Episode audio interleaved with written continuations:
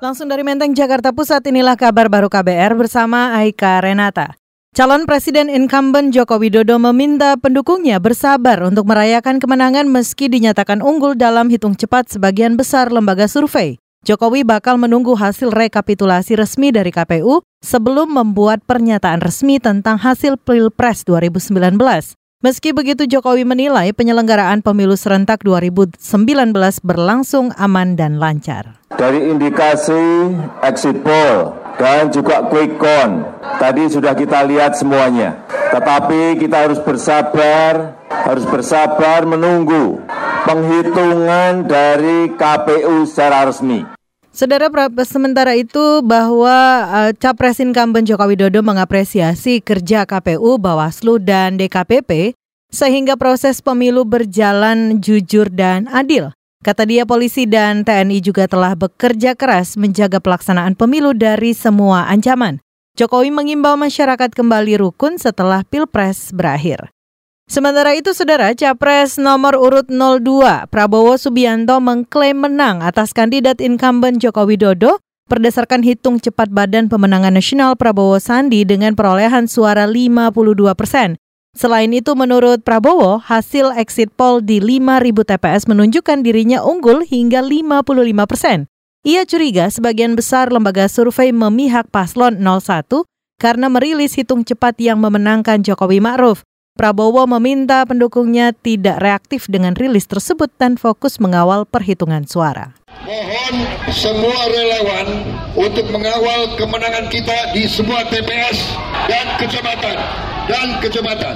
Juga saya tegaskan di sini pada rakyat Indonesia bahwa ada upaya dari lembaga-lembaga survei tertentu yang kita ketahui memang sudah bekerja untuk satu pihak untuk menggiring opini seolah-olah kita kalah.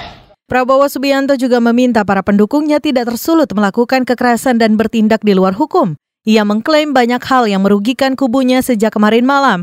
Banyak di kalangan pendukungnya tidak mendapatkan undangan mencoblos. Sementara itu, kita beralih saudara kepolisian menggelar patroli gabungan untuk menjaga keamanan pasca pemungutan suara dan rilis hitung cepat lembaga survei. Juru bicara Mabes Polri Dedi Prasetyo menyatakan pihaknya bakal meningkatkan kewaspadaan dan berkoordinasi dengan intelijen. Untuk Polri tetap ya dalam kondisi yang tetap meningkatkan kewaspadaan. Kemudian untuk patroli dialogis dan patroli terpadu gabungan dengan TNI juga terus akan ditingkatkan. Kemudian untuk jajaran intelijen terus melakukan early warning dan early deteksi terhadap dinamika perkembangan yang ada di masyarakat saat ini. Saudara, juru bicara Mabes Polri Dedi Prasetyo menambahkan pihaknya menerjunkan sekitar 200 ribu personil untuk mengamankan TPS, melakukan patroli, dan menjaga objek vital. Selain itu ada tambahan bantuan dari TNI sebanyak 70 ribu personil. Polisi meminta dua kubu paslon tidak melakukan pawai kemenangan. Polisi bakal menindak tegas pihak yang nekat melanggar. Kita menuju informasi lain, Saudara. Menteri Hukum dan HAM Yasona Lauli mengakui rendahnya partisipasi pemilih di lapas. Kata dia hal itu lantaran adanya sejumlah kendala terkait administrasi kependudukan.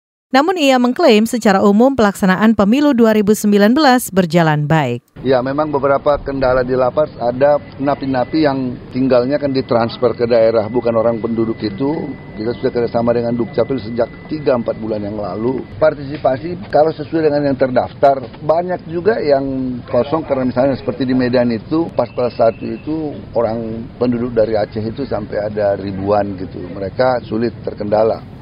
Sebelumnya, saudara pelaksanaan pemungutan suara di Lapas Aceh nyaris ricuh. Hal ini menyusul molornya pendistribusian kertas suara. Situasi itu dapat diredam setelah tibanya kertas suara yang dibawa oleh Komisi Independen Pemilihan setempat. Demikian kabar baru dari kantor Berita Radio KBR, saya Aika Renata.